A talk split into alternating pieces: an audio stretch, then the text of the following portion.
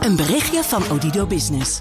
Hoe groot je bedrijf ook is of wordt, bij Odido Business zijn we er voor je. Met unlimited data en bellen en met supersnel en stabiel zakelijk internet. Ook via glasvezel. Ontdek wat er allemaal kan op odido.nl/slash business. Het kan ook zo. BNR Nieuwsradio. Boekenstein en de Wijk. Zon, zee en even geen corona. Maar alle andere rampen. Trump, Brexit, China en natuurlijk de Derde Wereldoorlog. Misschien heeft u dat vaccin helemaal niet nodig. Arend-Jan Boekenstein en Rob de Wijk. Besmettelijk negatief in de Boekenstein en de Wijk zomerspecials. De deprimerendste afleveringen van het afgelopen seizoen. Met straks een vooruitblik op rampjaar 2020. De tweede helft. Ik moet je een bekentenis doen, Rob. Ik heb hier ontzettend over na zitten denken deze zomermaanden. Ik zat heel erg op de lijst van... ik ben heel erg voor het geopolitieke argument... en daarvoor moet de euro gestabiliseerd worden. Maar dan moeten we het duurzaam doen en dan moet Italië hervormen. Nou, ik heb nu een nieuwe gedachte... die ik graag wereldkont wil doen. Maar eerst wat vooraf ging.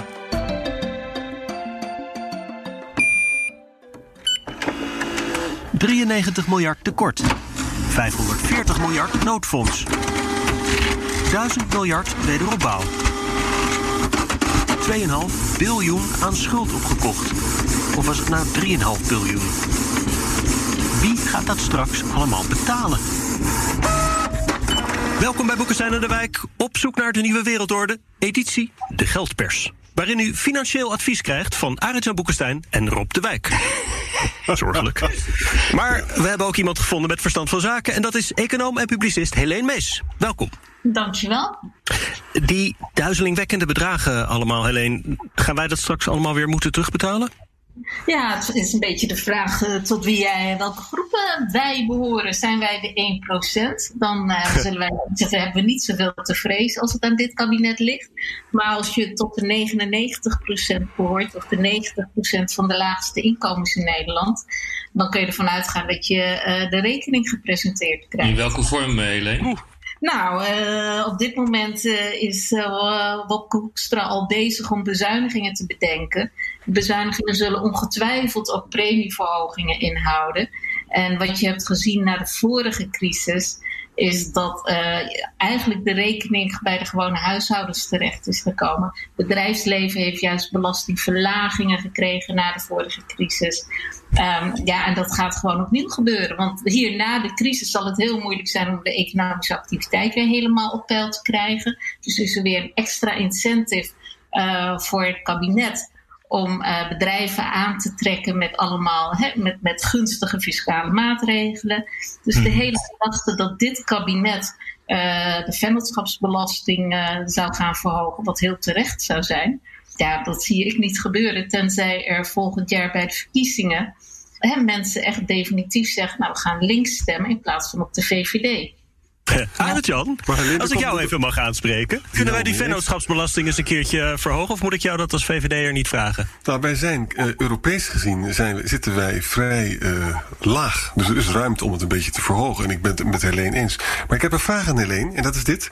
De ECB die zit dus ongelooflijk die balans op te blazen. Hè? En dat kan uiteindelijk natuurlijk ook misgaan. En dan komt het ook bij de belastingbetaler terecht. Maar ja, als je dat aan economen vraagt, dan valt het altijd een beetje stil en, en dan weten ze het ook niet meer. Maar hoe, hoe, hoe denk jij daar nou over? Ik val er bepaald niet stil over. uh, uh, met die betalingsbalans die opblaast.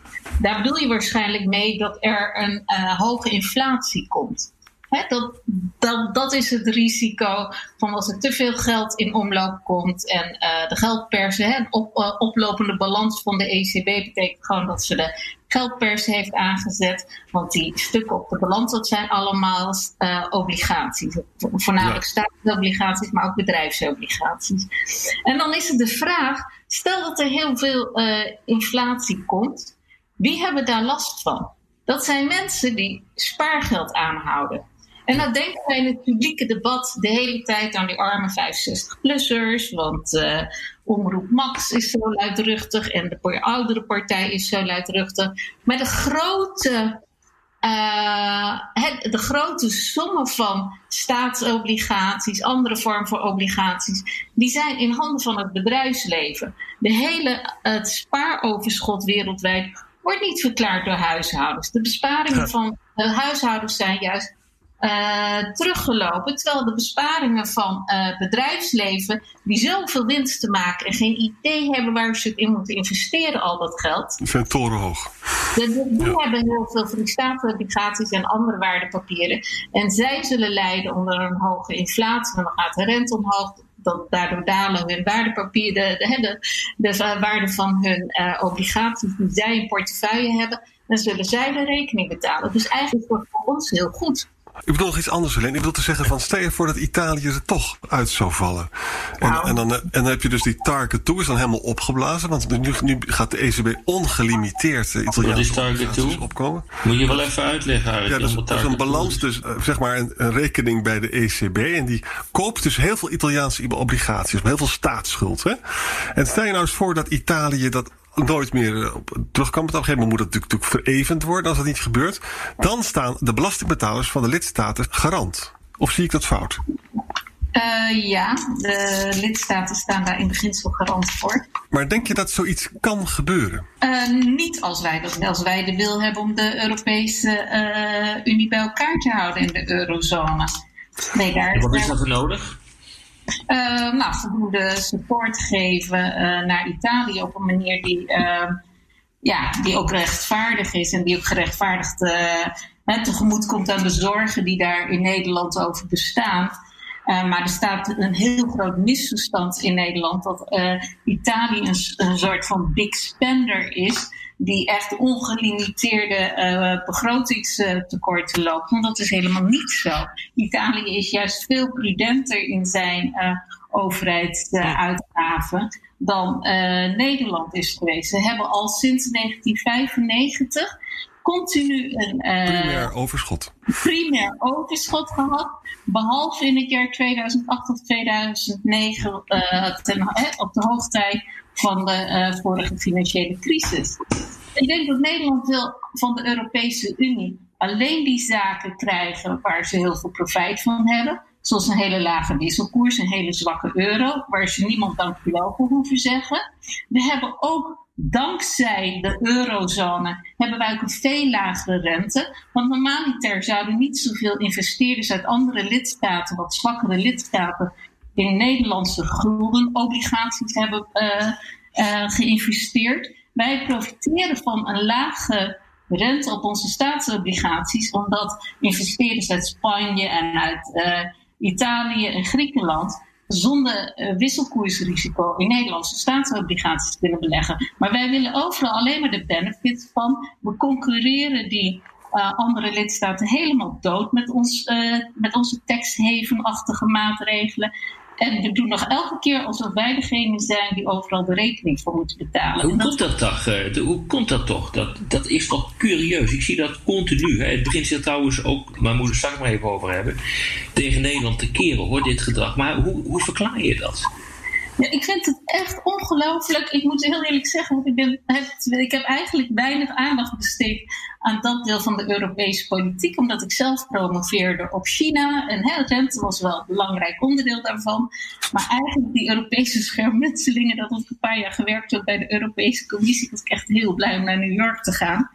Um, en ik ben gewoon nu, nu ik dan in Nederland ben vanwege de lockdown, uh, de travel ban, ben ik er gewoon verbaasd over en ook gewoon echt geschokt, ja, echt verbijsterd over hoezeer de weerstand hier tegen Italië is. Ik denk dat gewoon de mensen die veel, uh, ja, toch niet fake nieuws, maar die, die toch uh, de, de informatie gewoon hebben verdraaid over Italië, dat die gewoon de luidste zijn geweest. En Nederlanders zijn echt heel bang dat ze tekort wordt gedaan. En dat is bijna ideologie. Hè? Het lijkt wel of uh, een, dat, dat, dat begrotingsevenwicht en het terugdringen uh, van het tekort, dat dat doel op zich is geworden. En dat het niet meer een middel is om iets te bereiken. En daarnaast, uh, wat ik continu zie, is dat de euroskepsis ook met name bij het ministerie van Financiën, behoorlijk groot is. En dat heeft toch onder andere te maken met ja, die bijna ideologische visie op een begrotingstekort. Maar het heeft ook te maken met het Nederlandse politieke systeem. Uh, waarbij, uh, laten we zeggen, het, het redelijke, het gematigde midden argumenten van de extreme overneemt, die uh, nogal eurosceptisch zijn, om ervoor te zorgen dat daar kiezers weg worden gehaald. Dus dat betekent dat ook het midden uh, eurosceptischer wordt. En dan krijg je dus dit soort argumenten. Uh, dat Italië de big spender is van Europa en dat ze de zaak gewoon totaal niet op, op orde krijgen. En dat leidt ook natuurlijk tot applaus voor Wopke Hoekstra als hij Italië en bijvoorbeeld ook Spanje de les neemt. of, of, of, of zie ik dat helemaal verkeerd? Nee, het lijkt me een heel rake analyse. Ik vind het ook echt, uh, echt schokkend dat een Arjen Lubach, hè, die is zo populair, maar ik realiseer me nu, Arjen Lubach is alleen maar populair omdat hij heel populistisch is. Die heeft ook in het programma van hem op zondag, waar meer dan een miljoen Nederlanders naar kijken, bij de VPRO nota bene. Een hele tirade tegen Italië gehouden dat helemaal niet strookte met de feiten. En dan denk ik, dat, is, ja, dat is de klimaat in Nederland. Weet je, Helene, hoeveel mensen uh, eigenlijk, of hoeveel geld wij verdiend hebben aan uh, het, het, doorlenen uh, aan landen als Italië, Spanje, Griekenland? Weet je dat? nee, dat heb ik Dat zijn astronomische bedragen, hè, wat wij ja. eraan verdiend hebben. Ja, we hebben er heel veel aan verdiend. Ja, nou ja ook aan Weet jij dat eigenlijk dan? Ja, heel veel, heel veel. Want we hebben alles teruggekregen plus rente. Ja. weet ook niemand. Weet je, ik kom even op voor de luisteraar in Saltbom, want het is ingewikkeld. en, en jullie zeggen hele belangrijke dingen. Want Helene zei dus heel erg terecht van luister eens. Italië heeft een oude schuld, dat is van 1980. Toen zijn er nare dingen gebeurd. Sinds die tijd hebben ze een primair overschot. Dat wil zeggen dus uh, hun, hun, netto uh, zonder rentebetaling. Hè. Ze hebben dus een hele hoge rentebetaling. En dat betekent dat ze zich heel erg netjes gedragen hebben. En dat is in Nederland nooit uh, hier aangekomen En dat heeft ook heel erg te maken met, Rob zegt dat dus de, het centrum kijkt heel erg naar wat de rechterflank hiervan vindt. Hè?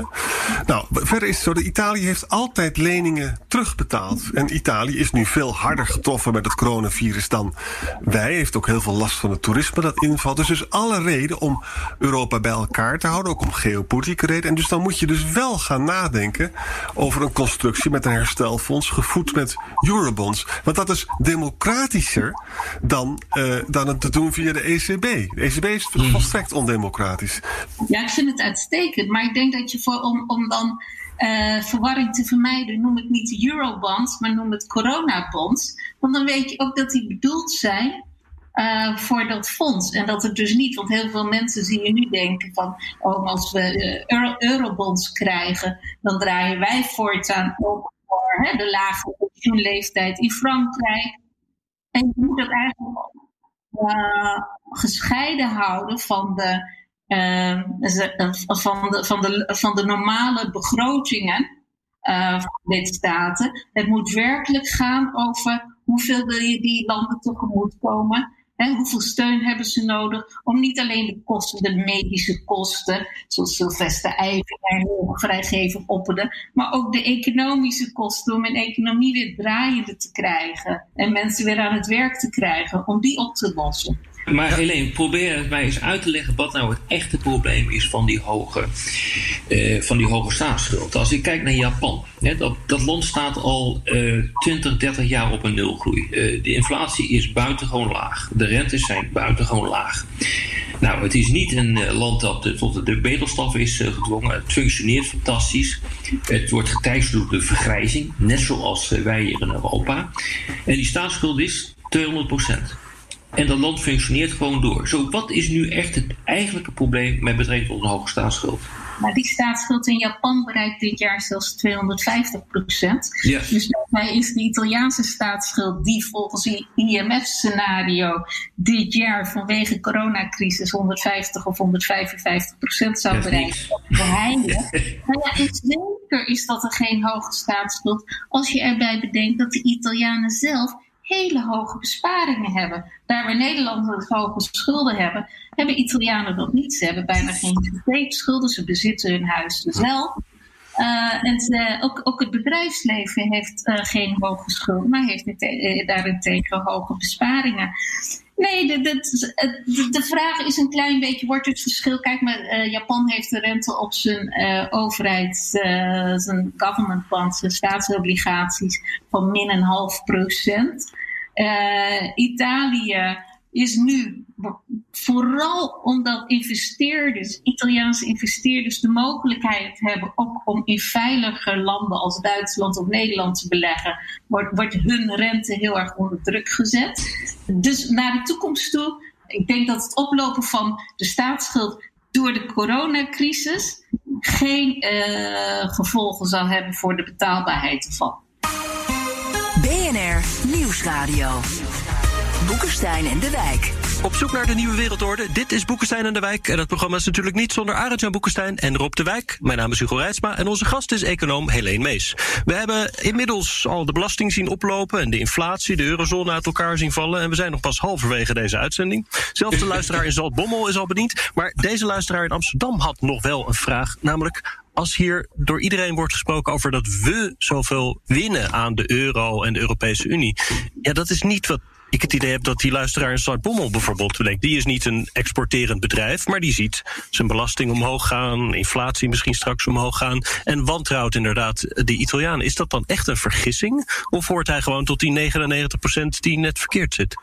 Iedereen heeft baat bij die gemeenschappelijke markt. En als Italië uit de euro zou vallen, dan gaat die gemeenschappelijke markt ook kapot. Hè? Dus, dus iedereen heeft er belang bij dat we, daar, dat we onze export daar kunnen, kunnen houden. En dan komt nog iets anders bij. We hebben, wat Helene heel terecht zei, Duitsland en Nederland hebben een soort poldercultuur waardoor de lonen gematigd zijn. Hè? In Italië heb je dat niet, waardoor de loonontwikkeling volatiel is. Ze vinden het moeilijk daardoor om met ons te concurreren. En er komt nog iets bij. De euro is minder sterk dan vroeger de Deutschmark of de gulden. Dus wij hebben eigenlijk een hele positieve positie in de, in de euro. We hebben een lagere koers. We hebben een institutioneel model dat ertoe leidt dat we hele agressieve exportcompetitie kunnen, kunnen betekenen. En we hebben die gemeenschappelijke ja, maar, markt. Ja, maar die luisteraar van jou in Zaltbommel, die ziet dan toch vooral zijn gematigde lonen. Die ziet uh, hoge winsten die ergens, weet ik veel waar, in een belastingparadijs blijven hangen. En als het misgaat met dat bedrijf, dan krijgen ze staatssteun. Maar hij had wel een baan. Ja, maar... De werkloosheid is tot zeer kort uh, geleden uh, buitengewoon laag geweest. Ja, dat maar één, dat is waar. Maar de huishoudens in Nederland hebben wel een heel zwaar gelag moeten betalen voor de financiële crisis. Je kunt zien dat er, als je ziet, Nederland heeft maar doordat we zo streng bezuinigd hebben in tijden dat, hè, waar je eigenlijk economisch herstel nodig had en je overheidsuitgaven nodig had om hè, de bestedingen op peil te houden. Uh, heeft de Nederlandse uh, overheid heel sterk ingegrepen. Je ziet nu wel eens dat, dat je nu terugkijkt toen het zo goed ging voor de coronacrisis. Van hoe hebben we nou zo hard kunnen bezuinigen? Hoe hebben we nu al, al die voorzieningen zomaar in één keer weg kunnen bezuinigen? enige spijt. Maar huishoudens zijn ook heel hard aangepakt. Nederland heeft een hele lage groei gehad. En uh, de huishoudensinkomens die zijn nauwelijks zijn zelfs gedaald tussen 2000 en 2000. Ja, maar dat geldt voor de meeste Europese landen. Nee, de meeste nee. Amerika, dat is helemaal niet zo. In Amerika zijn ze alweer flink, flink gestegen ten opzichte Ja, de afgelopen twee jaar. Nee, maar daarvoor zijn ze toch gestagneerd uh, gedurende lange tijd. de periode van 2000 tot 2020 zie je wel een reële vooruitgang.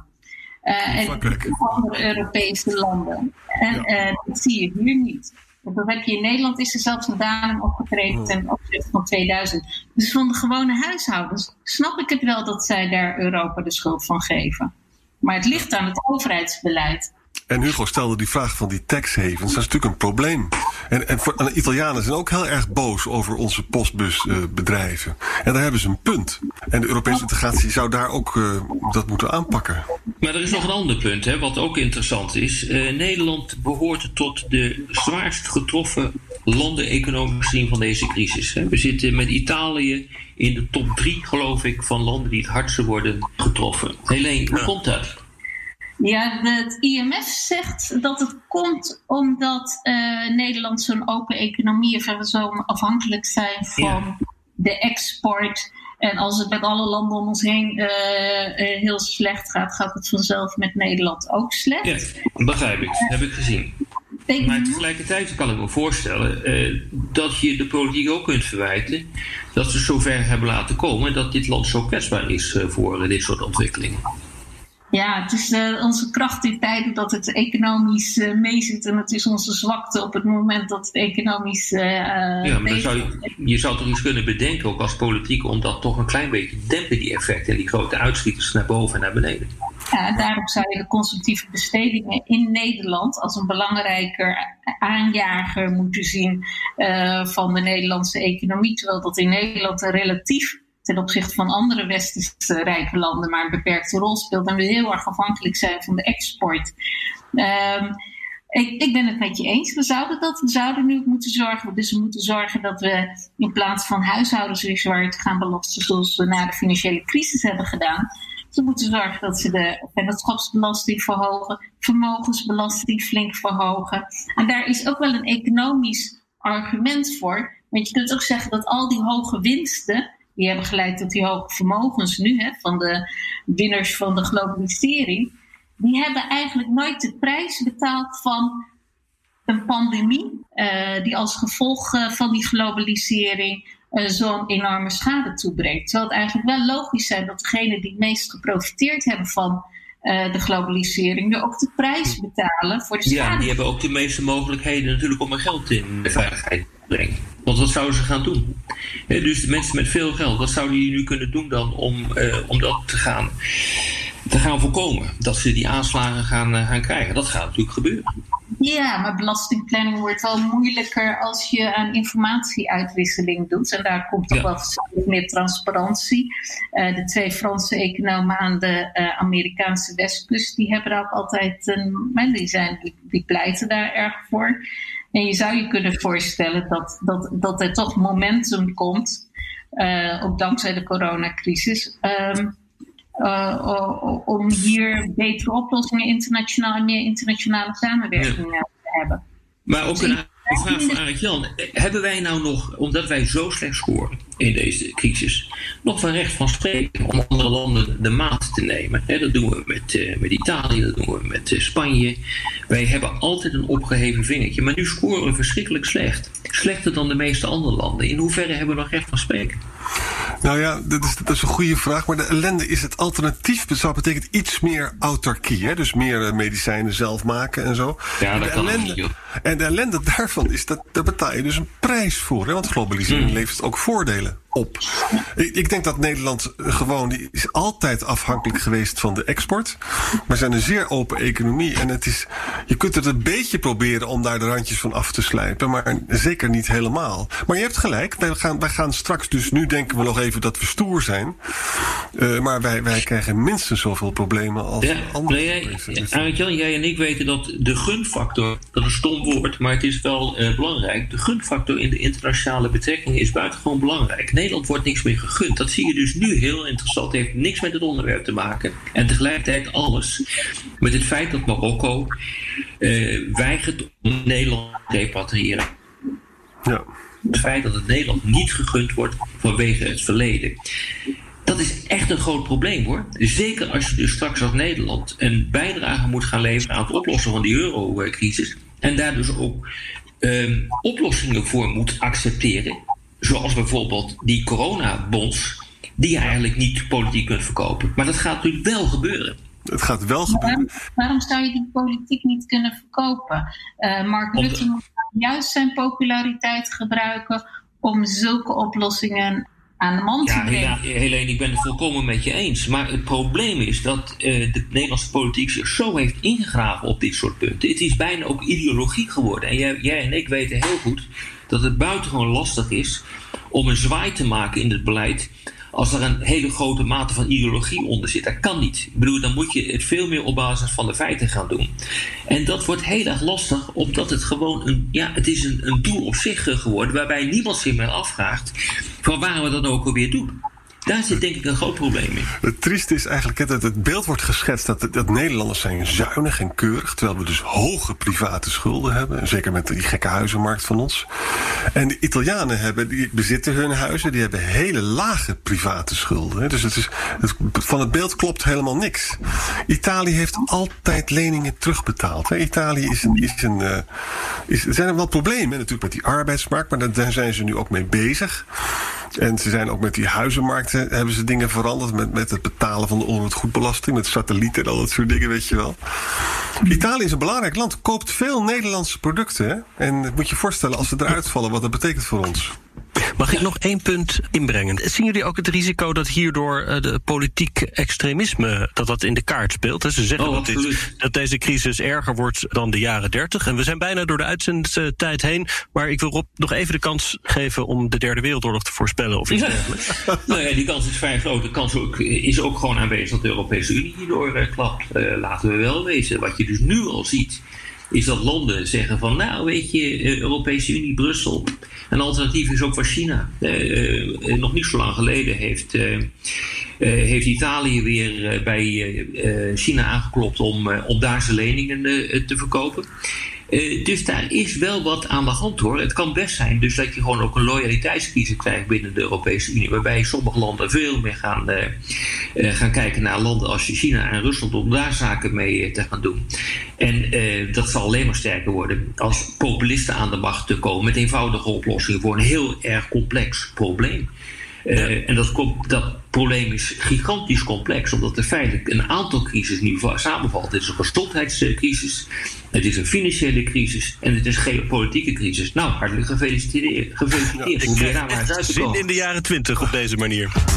Helene Mees, de gast in Boeken zijn aan de wijk, rampjaar 2020, de eerste helft. Nu de tweede. Kijk, en en een van de interessante opmerkingen die Helene eh, maakte, eh Arend Jan, was wie gaat dat betalen? En toen zei ze van ja, ze beantwoordde zelf natuurlijk de vraag van dat zijn wij, dat zijn de belastingbetalers, dat is niet eh, de 1% die het toch al heel goed heeft, maar de 99%.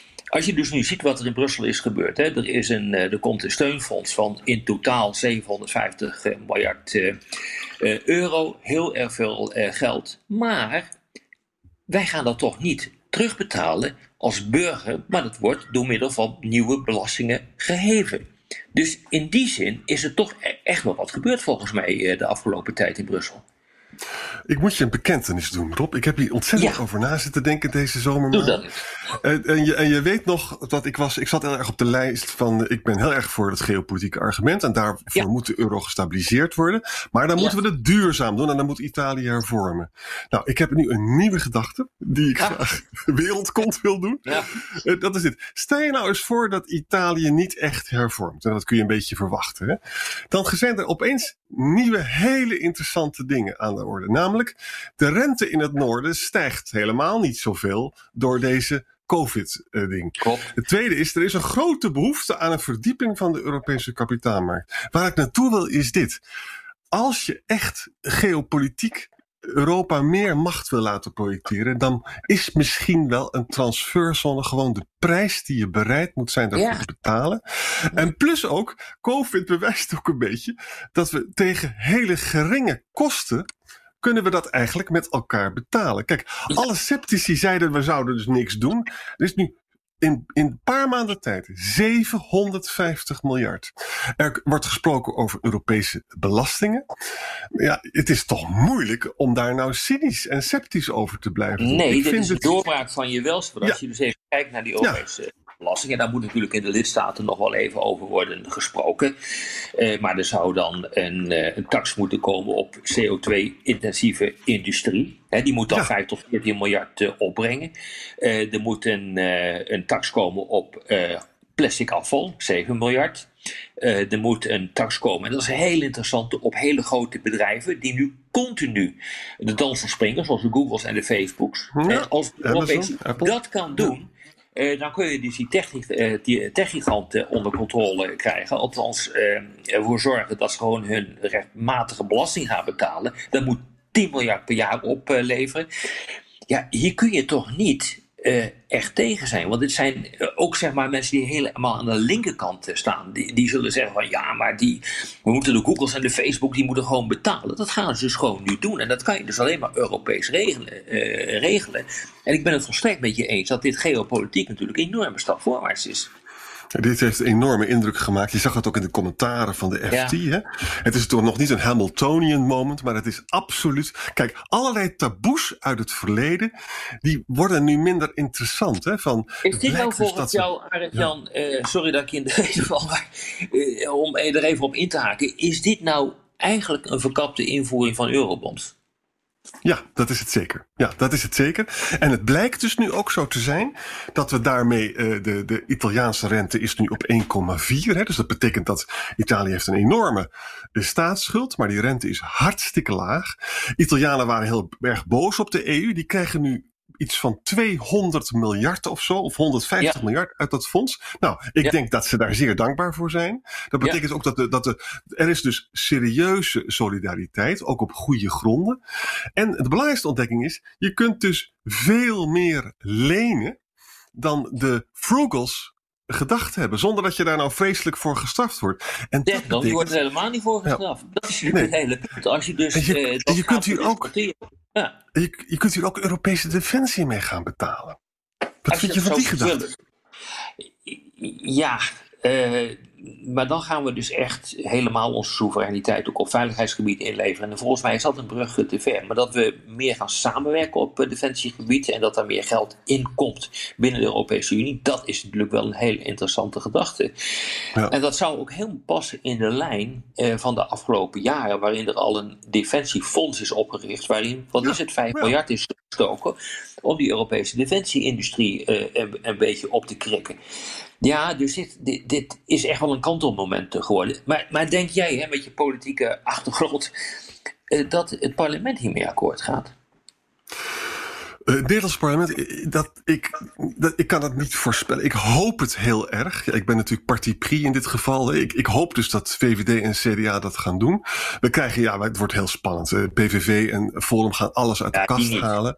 Ja, die... En die gaan het niet steunen. En overigens ook, uh, we hebben de SP natuurlijk ook nog. Hè. Die gaat dat waarschijnlijk ook niet steunen. Maar we, hebben een, we zouden een meerderheid kunnen nee, hebben. volgens mij heb je meerderheid. Volgens mij maar in de, Senaat, in de Senaat is de Forum de grootste, hè?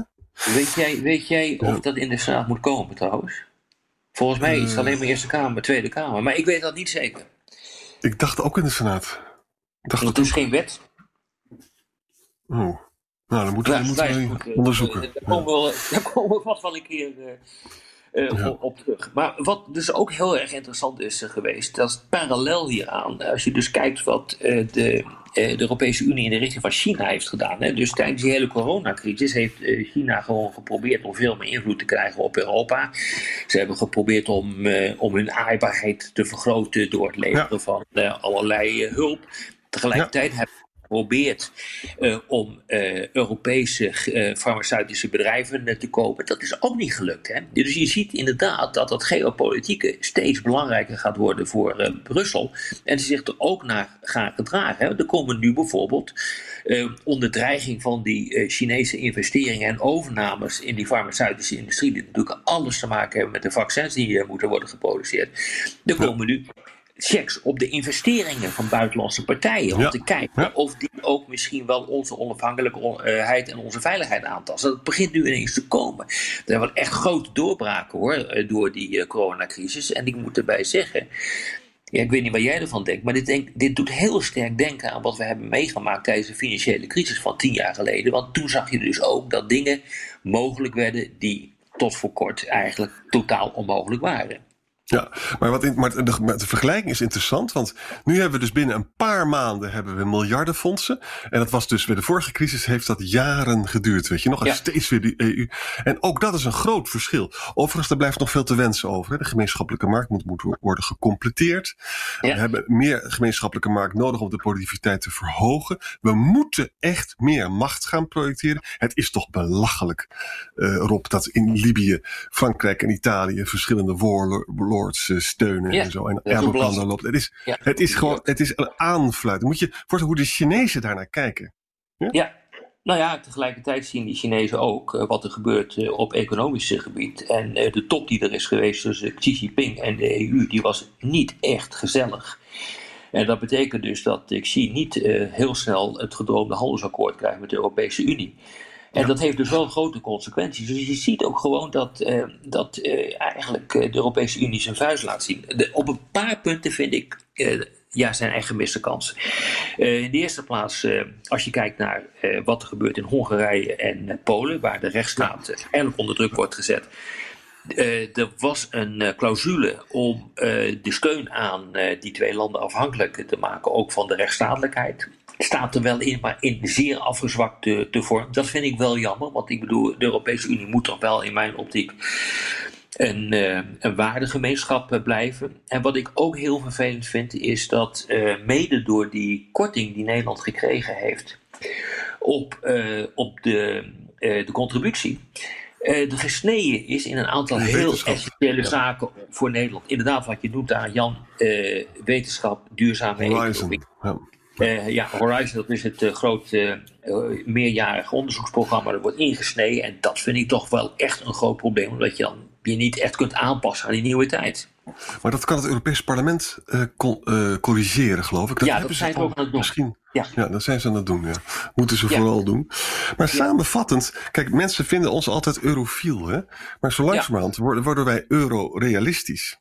Want er zijn, Europa is echt stappen aan het maken. Vind je niet? Ja, maar Jan, ik, ik zie mezelf helemaal niet als een eurofiel. Ik bedoel, je kijkt gewoon naar wat het beste is voor je eigen land en wat het beste is voor Europa.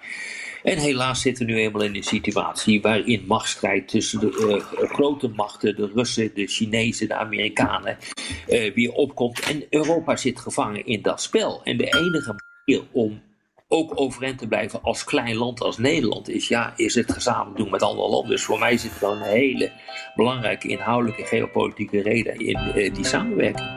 Ja, en er valt geen spel tussen te krijgen. Klaar. Dat is een mooi.